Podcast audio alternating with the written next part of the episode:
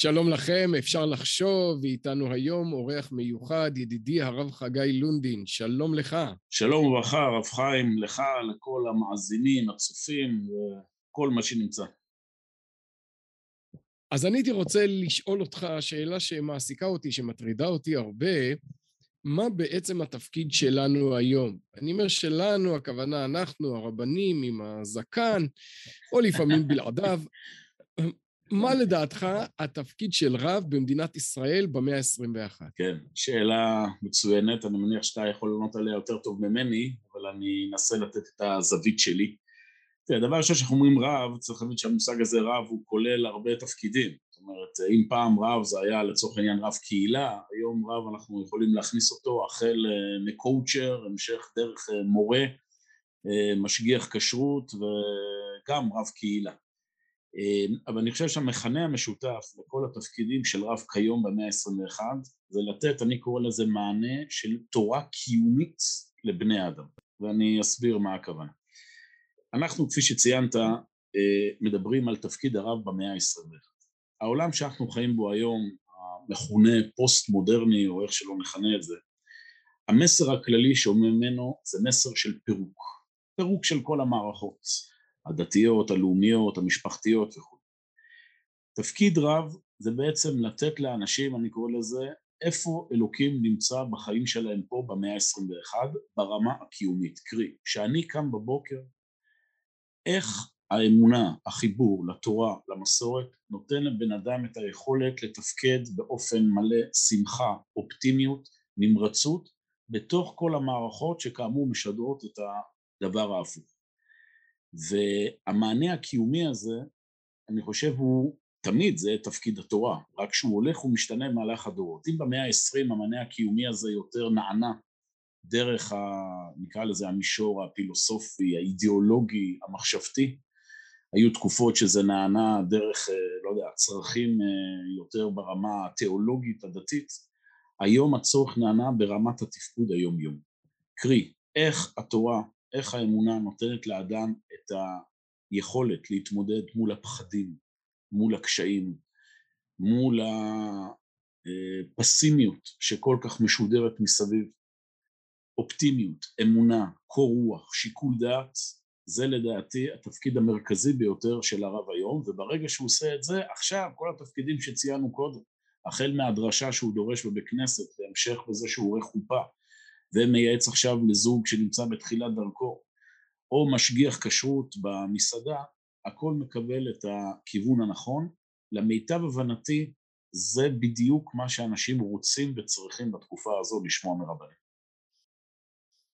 טוב, אני לא לגמרי מסכים איתך, מה שיהפוך את שיחתנו למעניינת. בוא נתחיל עם זה שאתה לגמרי מתעלם מההיבט ההלכתי בתפקוד של רב. כלומר, אמרת, במאה ה-20 אולי התפקיד היה אינטלקטואלי, היום הוא קיומי, לא אז ולא שם, נשמע מדבריך, לא היה חלק מתפקידו של רב לפסוק הלכה לאנשים ששואלים אותי. כן, אז אתה מעיר הערה נכונה, אז כנראה לא העברתי מספיק את דבריי. חלק מתפקידי הרב שציינתי, השכחת כשרות, דברים כאלה, התכוונתי גם בוודאי הפסיקה ההלכתית. צועק שזה היה אולי הדבר הראשון שהייתי צריך לציין, אבל גם כאשר פוסקים הלכה, אני חושב שוב, מה נקרא לזה האטמוספירה שממנה מגיעה פסיקת ההלכה. פסיקת ההלכה ברמה, נקרא לזה הטכנית, אם אפשר לקרוא לזה כך, הלמדנית, זה בוודאי שזה עמוד השדרה של העשייה הרבנית. אבל זה דבר שהוא obvious, מה שנקרא, דבר מובן מאליו, וגם היום, זה עוד אה, קשור אה, למציאות שלנו, אה, הדברים הללו הם ניגש, ניגשים לכל אחד, זאת אומרת כל אדם יכול ללכת אל הרב או לצורך העניין לספרי ההלכה או להנגשה האינסופית שקיימת באינטרנט ולקבל את התשובות ההלכתיות ברמה הסבירה, לא נכנס עכשיו לכל מיני דיונים אה, אה, שמתחדשים בכל דור ודור, אני מדבר עכשיו ברמת התפקוד היומיומי. רב לדעתי שיתמקד אך ורק בפסיקת הלכה לא יוכל ליצור את המגע הכל כך חשוב הזה של אנשים לחיבור אל האמונה והמסורת. הם יכולים להשתמש בו מכיוון שהם כבר נמצאים בתוך המערכת הדתית, אז ודאי הם ישאלו ויקבלו תשובות, אבל אה, לא לשם כך הביאונו עד הלום. זאת אומרת... אבל השאלה, השאלה היא לא אם רב יכול להתמקד אך ורק בפסיקה. השאלה אם רב יכול להתעלם מזה. כלומר, אה, נכון שאדם יכול לחפש מענים באינטרנט, אבל זה כמו שבן אדם יש לו בדיקת דם מח... ותמיד יש תוצאה אחת חריגה והוא מחפש באינטרנט ותמיד הוא מגלה שהוא עומד למות.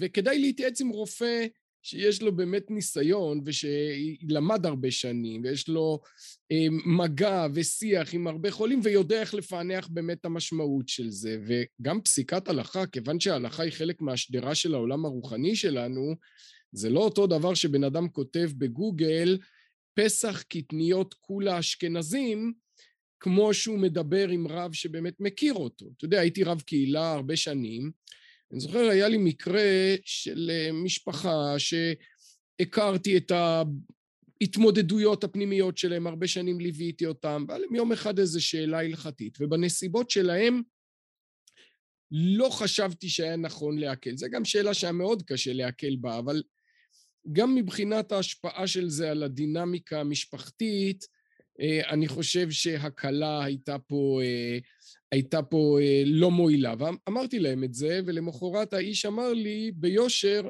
מצאתי רב שיקל לי. אמרתי לו, איך עשית את זה? הוא אמר לי, פתחתי, פתחתי גוגל, הוצאתי שמות של רבנים, והרב השמיני שהתקשרתי אליו הקל לי בזה.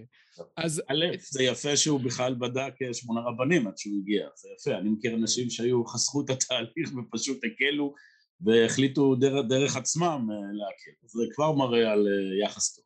תראה, בוודאי שאתה צודק, הרב חיים, לא חלילה, אני לא נכנס עכשיו לסוגיה הזו שכמובן אה, מפי סופרים ולא מפי ספרים, זה בצד הזה בוודאי שהאינטרנט וההנגשה היא לא באה להחליף את הקשר החי עם הרב על כל המשמעויות שלו, אבל מה שניסיתי לומר זה שבדיוק הדוגמאות שהבאת קודם למשל שהיום לצורך העניין אה, משפחה אשכנזית שואלת אותנו לגבי אכילת אה, קטניות בפסח. שוב אנחנו נפסוק את ההלכה לפי כללי ההלכה אבל בואו ננסה להבין מה העמדה הנפשית הקיומית שהם שואלים את השאלה הזאת.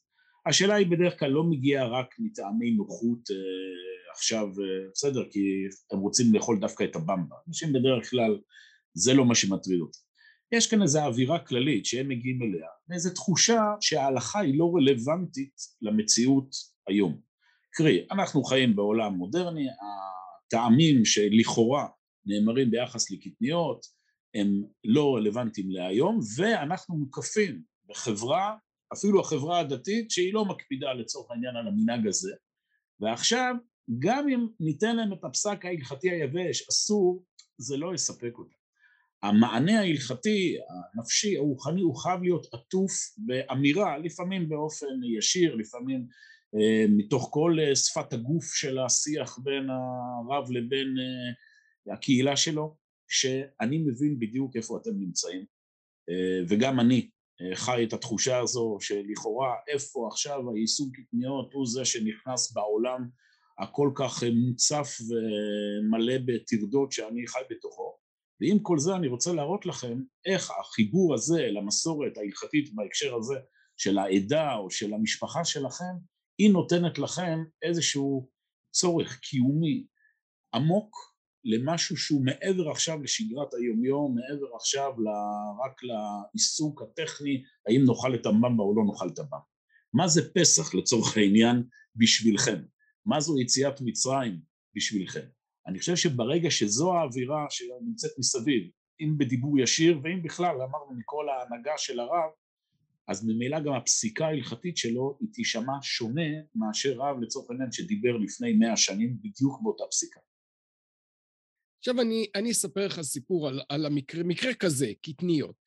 לפני שנתיים תופס אותי בן אדם שבוע לפני פסח ברחוב, אתה יודע מה, יותר משנתיים, שנתיים זה היה, אה, זה היה סגר, שנתיים וחצי, שנה לפני הקורונה, ומושיט לי יד, לוחץ לי את היד, מה שלומך הרב נבון? רציתי לשאול אותך שאלה אחת, למה אנחנו עדיין לא אוכלים קטניות בפסח?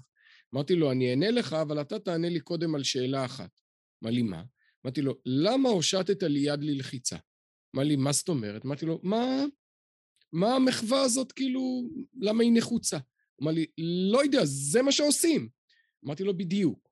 כלומר, השאלה האם אתה, כשאתה בכישרונך הטוב ובמגע החם שיש לך עם אנשים, אומר בוא נסביר כל דבר. מה זה בשבילך פסח? מה זה בשבילך יציאת מצרים? מה זה בשבילך... האם אתה לא משתף פעולה כאן עם מקום שהופך מראש את היהדות ואת ההלכה ואת אורח החיים הדתי למי שנמצא תמיד בעמדת נחיתות, בעמדת הצטדקות. שהרי זה לא נכון שאנשים היום הם יותר חקרנים על כל דבר ממה שהיה לפני חמישים שנה. פשוט המובן מאליו שלהם אחר. הם אף אחד לא שואל, תוכיח לי שיש זכויות אדם. למרות שפילוסופית זה דבר שקשה מאוד, אני חושב שבלתי אפשרי אה, להוכיח. אליסטר מקינטייר, פילוסוף חשוב שחי עדיין היום, פילוסוף קתולי, אמר שמי שמאמין בזכויות אדם זה רציונלי בדיוק כמו מי שמאמין במכשפות ובחדי קרן. ואף אחד לא שואל את זה, זה המובן מאליו של החברה. רק ההיבט הדתי של החיים שלנו מוצג כשולי, כביזארי, כמה שדורש תמיד הצטדקות, והשאלה אם אנחנו צריכים לשתף עם זה פעולה. התשובה, אני חושב, זה מה המענה. זאת אומרת, אתה מציג פה נקודה נכונה, ויש לזה גם סיבות, מדוע דווקא העולם הדתי הוא זה שנמצא פה תחת המתקפה. פשוט, כי זה העולם שלכאורה הכי פחות לכאורה ניכר בחיים של האדם, לעומת אה, דברים ששייכים לעולם הפיזי שלו. אבל מה הפתרון? הפתרון להתעלם ולדלג על הבעיה ולהגיד אוקיי, אני עכשיו מדבר עכשיו בכללים ההלכתיים הנוקשים או הלא נוקשים, לא משנה, שהיו מאז ומעולם ואני דורש מכם אה, ללכת ולהתעלות אל המקום הזה, היא, הגישה הזו היא מתאימה לחלק מסוים מהאוכלוסייה, אבל ברובה של האוכלוסייה חייבים למצוא את נקודת הממשק שמשם אנחנו נעלה את הדברים שכל הזמן ברקע באמת קיימת האמירה הזו של נעשה ונשמע. אני יודע בדיוק בימים האחרונים קיבלתי איזה וואטסאפ, איזו שאלה ממישהו שכמובן העלה את, בדיוק פחות או יותר את הנקודה אבל בסוגיה של הלהט"בים וכולי והוא דרש ממני באיזשהו מקום, מן הסתם אתה גם חווית את השאלות האלה, שאני אגיד לו בשם התורה שזה בסדר, לא היה מוכן לקבל שום דבר אחר. אז האמירה התחילה בזה, תקשיב, על פי התורה זה אסור, נקודה, לא יעזור שום דבר. אבל עכשיו בוא, כמו שאמרתי, ננסה לראות בנקודת הממשק שאתה מצוי בה, איך אני לפחות מנסה לחבר אותך ואותי יחד לאיזה משהו שהוא מעבר עכשיו לצרכים המיידיים שלנו. ברגע שמדלגים על נקודת הממשק, אנחנו פשוט נמצאים פה בבעיה. לפני מאה שנים כאמור אפשר היה. זאת אומרת, העמדה הנפשית של העולם המודרני היה ש... אנחנו מוכנים להיות באיזה אווירה של צייתנות, עוד פעם, או איזו התרשמות מהוכחה לוגית או אמירה אה, חד משמעית שאני עכשיו אה, הולך וממשיך איתה למרות שאין לי את ההזדהות הנפשית הקיומית. היום זה לא המצב. בין גם נוכל יכולים לקבול על זה כמה שנרצה. אני ברשותך רוצה להביא לך דוגמה שאני משתמש בה הרבה, שאני אה, מנסה לחנוק רבנים צעירים או מרצים צעירים, איך אה, הגישה לדעתי אמורה להיות היום. במבצע צוק איתן, אה, אני גר בשדרות, והיינו בישיבת ההסדר, הגיע גדוד מבה"ד 1, גדוד צוערים בה"ד 1, להיות פה אה, במהלך המבצע אה, בשטח כינוס. זאת אומרת, הם לא נכנסו לעזה, הם היו במשך, לא זוכר זה החודש, חודש וחצי, פשוט שהו בישיבה, לאכלו עם התלמידים וכולי. ובמהלך הזמן הזה היה להם הרבה זמן פנוי לצוערים, והביאו להם מרצים, בסדר? מרצים, כל החברה הישראלית וגם הרבה מאוד אה, רבנים. אה, אני, בגלל שאני גר בשדרות, אז הצבא גייס אותי בצו שמונה להיות אה, ממשב, כן, בקר של ההרצאות. באיזשהו שלב הגיע להרצאה דמות, כמובן לא אגיד את שמה, אבל איש מאוד מרשים, מאוד ידוע, שקצין גבוה במילואים, אדם כריזמטי, רהוט וכולי, שנתן הרצאה נפלאה לצוערים על חשיבות הלחימה ומדינת ישראל והגבורה בזמן קרב, כל התכנים הנפלאים והטובים, הרוחניים, האידיאולוגיים, הלאומיים וכולי, הרצאה מצוינת, רטורית, דוגמאות, סיפורים, אבל אז קרה משהו משונה. הצוערים, צוערי בד אחד, שהם בדרך כלל חיילים מאוד מאוד ממושמעים, הם הגיבו במורת רוח מאוד מופגנת להרצאה. זאת אומרת, הם ישבו, בקיצור, חלק אפילו קמו, משהו מאוד משונה. ההרצאה הייתה כישלון באופן מוחלט. ולאחר מכן ישבתי עם המרצה, הרב, המרצה, ניסיתי לנתח איתו למה ההרצאה הזו לא תפסה. אני תמיד מביא את זה כשאלה, כשאני מתאר את הנתונים לרבנים או מרצים. הרב חיים, אתה רוצה לנסות לתת איזה תיאוריה למה ההרצאה הזו לא תפסה? באמת אין לי מושג. אז אני אגיד, הרבה פעמים אומרים לי, מה, הוא לא דיבר טוב, הוא ניסה לעשות הדתה? לא, זה לא היה נקודה, הוא דיבר יפה במושגים שלהם, בסיפורים, לא הזכיר יותר מדי אה, משהו ש... היה משהו אחר. זה לא הטריד את הצוערים. הצוערים בבה"ד 1, באותה, בנתונים שתיארתי, הטריד אותם משהו אחר. הטריד אותם פשוט. הם היו מאוד לחוצים מזה שבזמן שיש עכשיו לחימה בעזה, והחברים שלהם כבר נמצאים בפנים, הם בשטח כינוס. הם לא נכנסים ללחימה. והם כל הזמן דאגו שעוד חודשיים שהם הולכים לקבל חיילים, ישאלו אותם בתור קצינים, מה אתם עשיתם בזמן צוק איתן? היה להם לחץ אדיר מהנושא הזה. ביקשתי מהמרצה לדבר הרצאה נוספת, ושם דיברנו עם הצוערים, התחלנו מנקודה אחת. מה מטריד אתכם עכשיו? מה שמטריד אתכם עכשיו זה הפחד, הלחץ החברתי של איך יסתכלו עליכם וזה וזה. בואו נלמד איתכם, למדנו איתם פרק תנ"ך, לצורך העניין, שמואל א' פרק י"ז, איך מתוך הדבר הזה שאנחנו קוראים לו תורה ויהדות וכולי, אתם מקבלים חוסן נפשי לעשות דברים גם אם אתם לא מקבלים מהם עכשיו את הקרדיט ואת ההערצה החברתית. והאוזניים של הצוערים, מה שנקרא, הזדקפו. נגענו להם בנקודה שהם נמצאים בה ומשם אנחנו, מה שנקרא, הרמנו אותם, משכנו אותם. אם אני הייתי בא אליהם עכשיו בעמדה, תקשיב, כמו שאמרנו, יש פה איזה אידיאל מסוים, אידיאולוגיה מסוימת, שאתם עכשיו קרואים להתיישר אליה. ואני בתור רב, לא משנה, בתור מורה הלכה, במקרה הזה זה לא השייך הלכה, כי זה לא כולם דתיים, אבל בתור איזה סמכות כביכול דתית, אומרת בואו תביאו, תגיעו לשם. אין לנו, אתה מבין, יש לנו פה איזה פער שלא ניתן נגישות. ברגע שנגענו בנקודה הקיומית, אני אומר לך מניסיון של הרבה שנים, ואני בטוח שגם אתה מכיר את זה, אנשים, אין דבר שאנשים רוצים יותר היום מאשר משמעות קיומית, רוחנית, יהודית לחיים שלהם במדינת ישראל. כן, אני אגיד לך אבל מה אני מסתייג מדבריך. אתה מתאר פעולה של הסברה שקשורה במגע חד פעמי עם אנשים זרים. עם חיילים מבה"ד 1, רובם לא דתיים, פגשת אותם פעם אחת ולא תפגוש את רובם אחר כך שוב. אני מדבר על המגע המתמשך של רב עם תלמידים, עם קהילה, שעושים בה דברים יותר משמעותיים. מה שאתה מתאר הוא פעולה של קאוצ'ינג, מין אה, חובש שנותן עזרה ראשונה נפשית, אני בטוח שהיא יעילה מאוד, אני בטוח שהיא אפקטיבית, אני בטוח שהיא מקרבת ומעודדת. אבל מה שאני אומר הוא כזה, אתה, מה שאתה מתאר בעצם משאיר את מקומות, מקורות הנביעה של הנפש באותו מקום, ומטפל בצורה אה, חכמה ורגישה ויעילה בסימפטומים נפשיים. ואני אומר, יש, עבודת השם הרי מתחילה מאיזשהו מגע שלנו עם הקדוש ברוך הוא. מגע עם הקדוש ברוך הוא, לפי מסורתנו היהודית, הוא אצל רובנו לא איזה חוויה מיסטית אה, אה, מנותקת, אצל רובנו הוא בא מתורה, הוא בא מתפילה, הוא בא מהלכה, ואני יודע מהחיים שלי, ממה שעבר עליי, שהמקורות האלה הם, הם מעיין של כוח אה, שמצטבר לאורך זמן במאמץ ארוך ומתמשך.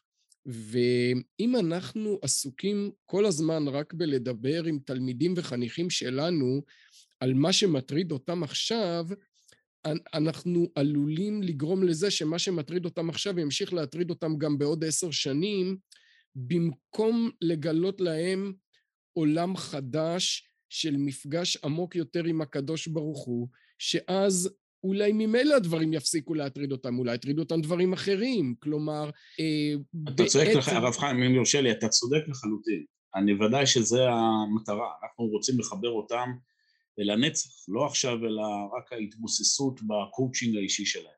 אני רק מנסה לומר מה הדרך שאנחנו נחבר אותם. הצוערים במקרה הזה, בתיאור שת... אה, בסיפור שתיארתי, אנחנו חיברנו אותם בסופו של דבר לפרק תנ"ך, בהקשר מה שהיה ניתן אז. לצורך העניין בואו ניקח אה, דוגמה נוספת. אה, יש לנו תלמידה, או לא משנה, חניכה, או בת, שמוצאת את עצמה כל הזמן, חושפת את עצמה באינסטגרם או בטיקטוק, בסדר? עכשיו, מה אנחנו נבוא? נבוא ונגיד לה עכשיו, תקשיבי, זה אסור על פי הלכה, בואי תלמדי עכשיו כמה חשוב צניעות וכולי. זה, זה דבר שעוד פעם, יש תלמידים ותלמידות, אנשים גם מבוגרים שנמצאים כבר בתוך ה... כן? המקום הזה, אז בבקשה, זה מעולה. אבל רובם לא נמצאים שם. כאשר אנחנו קודם כל מסבירים מה הצורך הנפשי שגורם עכשיו לך לעשות את הדבר הזה. במקרה הזה, הצורך בהכרה, תחושת הסתמיות והשגרתיות שעכשיו מקבלת איזושהי פנטזיה קסומה שהנה מסתכלים ונותנים לי לייק ועכשיו אנחנו אומרים ולכן בואי נלמד את ה, לצורך העניין נושא הצניעות בעם ישראל מהמקורות, מההלכה וכולי שהדברים האלה יעניקו לך את מה שאת כל כך מחפשת אני מסכים שאנחנו באים עכשיו בעמדה שמתחילה שוב ממה את מחפשת ולא מה הקדוש ברוך הוא אבל משם אנחנו נוכל להסביר לה שמה שאת מחפשת זה בעצם, קבלי את זה הכי טוב במה שהקדוש ברוך הוא רוצה. והסולם הזה להערכתי כיום אי אפשר לדלג עליו. אבל שוב. אתה התחלת, אתה התחלת מנקודת מוצא שתלמידה יש לה בעיה. אני מציב נקודת מוצא אחרת. אני עומד בתחילת שנה לפני כיתה של 30 תלמידים. איך אני בונה את הקשר בינינו? האם אני מתמקד בלעבור אחד-אחד, לבדוק אחד-אחד את הפצעים שלו ולנסות לנהל שיח משם, או שנקודת המוצא שלי, אנחנו ביחד לומדים בבא קמא, או מהר"ל, או תנ"ך, ואנחנו ביחד מתפללים, ואנחנו ביחד את כל התפקידים המסורתיים של רב, מתוך כל השאיפה המסורתית להתעלות רוחנית, ואם צריך בדרך עזרה ראשונה ניתן אותה, אבל לא הייתי מדלג על נקודת המוצא הדומיננטית הזאת. שאלה מה שנקרא לדלג. אם לצורך העניין בשיעור הראשון, אם אנחנו הולכים למישור של אה, רב במערכת תיכונית, בשיעור הראשון יתחיל פחות או יותר באמירה הזאת, תקשיבו אנחנו הולכים יחד ללמוד תורה וכולי וכולי, ברוב המקרים, שימים לב, התלמידים והתלמידות הם לא יגיבו בהתרסה או בהסכמה, הם פשוט יגיבו במבט אה, בוהה של אה, אוקיי, מה, מה אתה רוצה מהחיים שלנו? ברגע, מניסיוני, שאנחנו דבר ראשון משקפים להם את העומקים הנפשיים שהם, לא רק אגב בצדדים השליליים, גם בצדדים החיוביים, את השאיפות, את החלומות, את ה... גם המבוכות שהם מצויים בתוכם. ואנחנו מספרים להם שהמענה לכל הדברים הללו, או לא המענה, העצמה, ההמשכיות של אותם דברים עמוקים בנפש שלכם, היא נמצאת בדבר הזה, בספרים האלה שנראים מאחוריי, אני חושב שנקודת המוצא היא בהרבה יותר אה, מושכת מאשר הנקודה הראשונה. אני כל הזמן מדגיש, אתה מעלה נקודה נכונה שגם רבים אה, מחבריי ומבית מדרשי אה, טוענים כלפיי בהקשר הזה, ואומרים, נכון, אז אתה בעצם מוריד את התורה אל הזה במקום להעלות את השם. יש כל הזמן, תזכור, שתלמיד, תלמידה, קהילה רואה רב מולה, היא כבר רואה מולה סמכות דתית. זאת אומרת, האמירה הזו, קרי, שאנחנו רואים בקדוש ברוך הוא, בתורה, את המציאות שהיא מעלינו ואנחנו צריכים בענווה להתיישר אליה ולא היא אלינו, זה, זה כבר obvious בעצם זה שאנחנו רבנים, עם זקן או בלי זקן, זה כבר נאמר. עכשיו החוכמה זה ללכת ולמצוא שוב את המקום שאנשים נמצאים, תראה, דרשה בליל שבת בכנסת, לפעמים מוצא את עצמי נבוך, אני נמצא לא כרב עכשיו, שאני נמצא כאחד מהקהילה בבתי כנסת אלה ואחרים. יושבים עכשיו אנשים, נמצאים בליל שבת, אנשים מבוגרים, שבאמת יש להם אין סוף דברים שממלאים עכשיו את עולמם ברמה המשפחתית, המקצועית, הנפשית, האישית, אנשים עם התסכולים שלהם, עם הבעיות שלהם וגם עם השמחות. ועכשיו עומד מולם רב שמתחיל לתת עכשיו מחלוקת ישר, מתחיל ישר במחלוקת רמב"ן ורש"י באיזה פלפול בפרשת שבוע.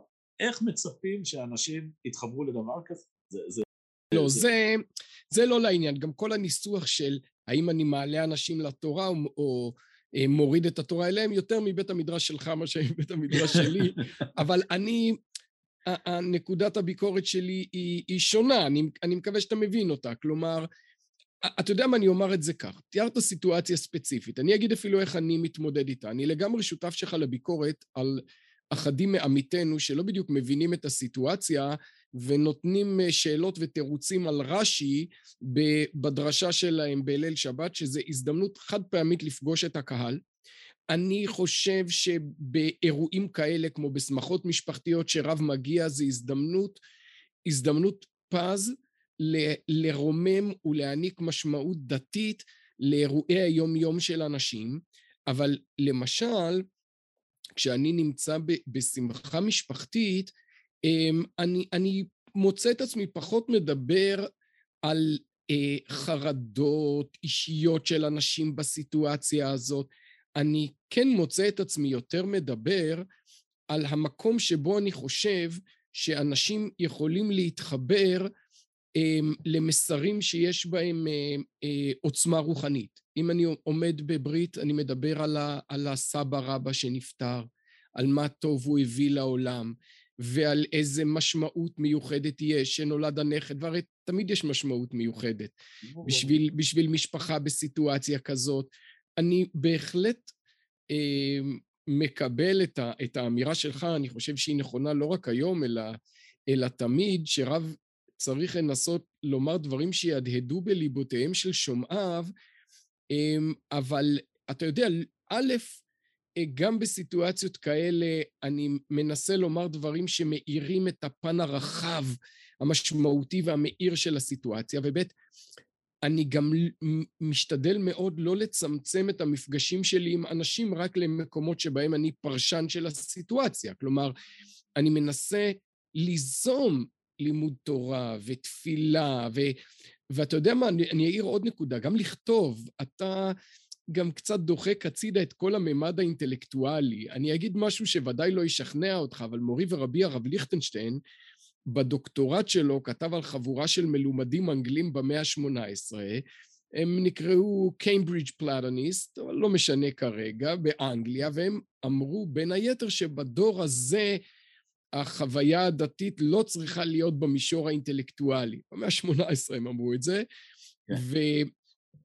אה, והרב ליכטנשטיין מראה שם בדוקטורט שלו איזה מחיר הדתיות באנגליה שילמה על זה שדחקו את המישור האינטלקטואלי. כלומר, בסוף הברכה, כמו שאמר רבי יהודה הלוי, שתמיד מביאים אותו כבן הפלוגתא הגדול של הרמב"ם, רבי יהודה הלוי כותב בספר הכוזרי, מבין ברכות הבקשה בשמונה עשרה, הראשונה היא חונן לאדם דעת, כי אנחנו עובדים את הקדוש ברוך הוא עם הדעת שלנו.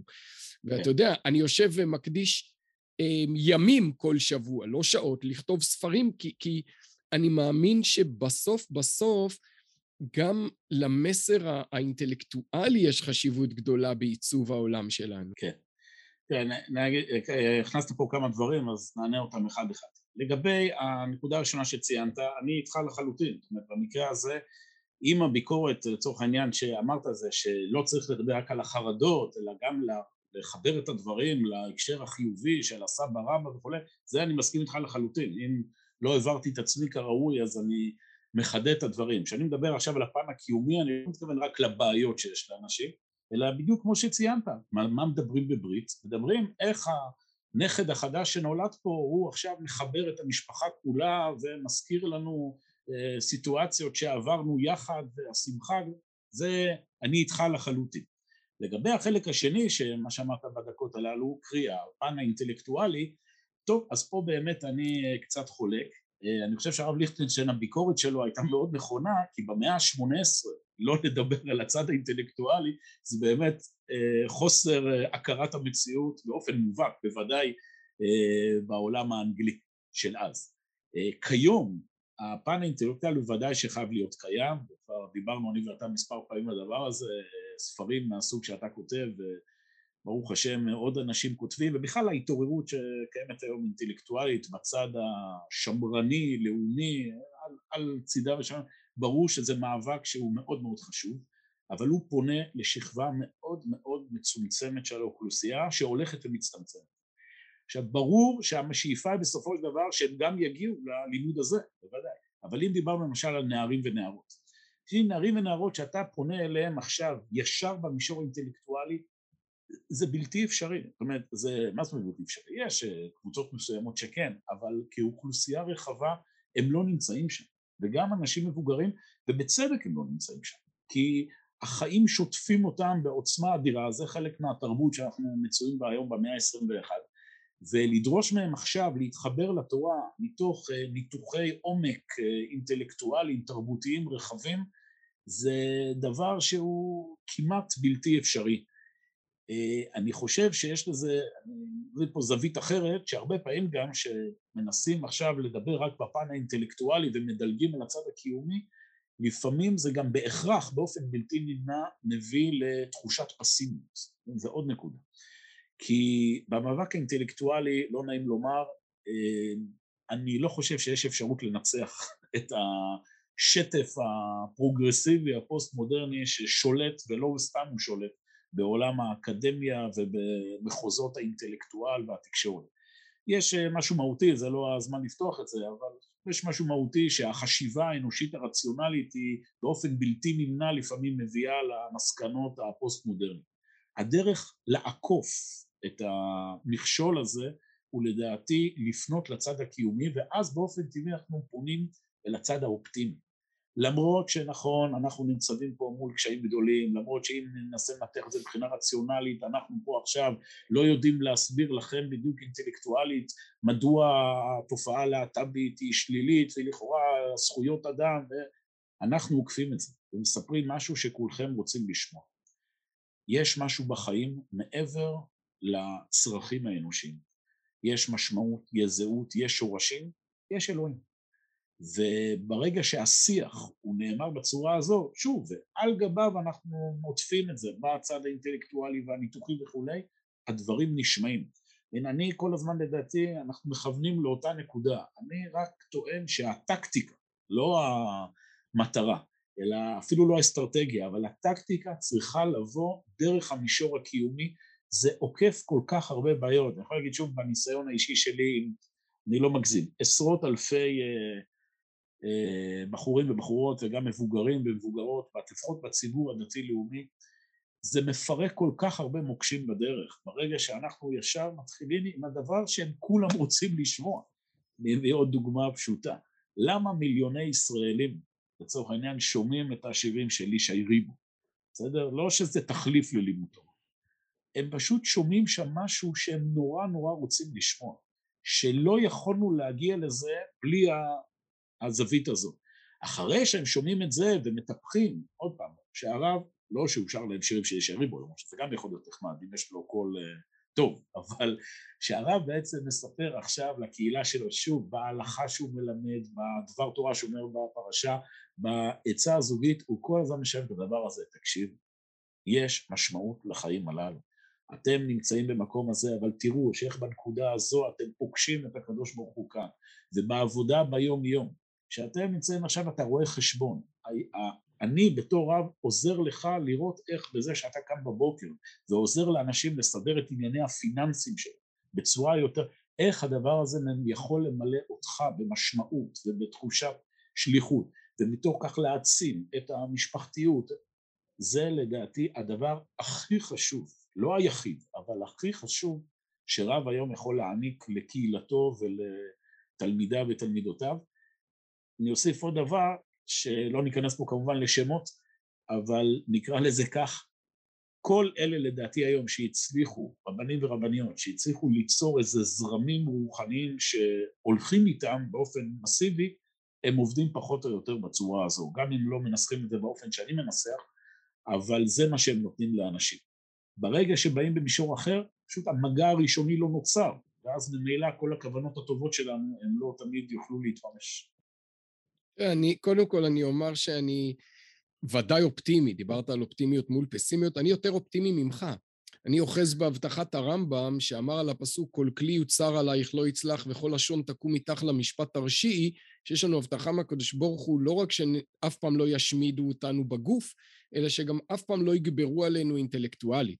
בניגוד לדבריך, אני חושב שגם אינטלקטואלית אפשר וכדאי וחייבים להתמודד, וכשאתה אומר, תראה, מה זה רלוונטי לתלמידים הצעירים שלנו, הספרים שאתה כותב, לא תמיד הם רלוונטיים לתלמידים, אבל המורים שלהם קראו אותם.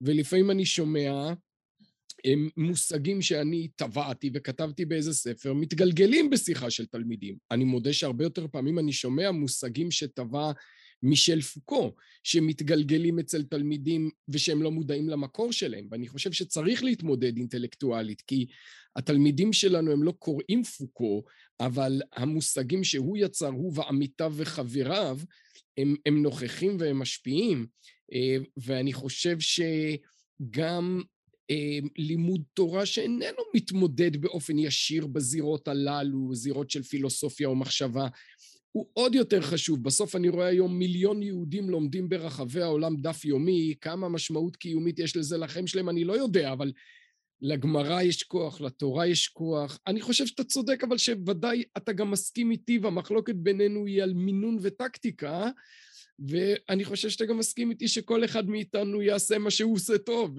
ושאני כן. ודאי חושב שאתה מביא הרבה הרבה ברכה לעולם, ואני אה, מאוד מודה לך גם על, ה, על השיחה המאוד מעניינת הזאת. תמשיך לעשות הרבה טוב. תודה לך, הרב חגי. בשמחה, תודה לך, הרב חיים. כאמור, כולנו נעשה בעזרת השם את מה שאנחנו יכולים, והשם יעשה הטוב בעיניו, בעזרת השם.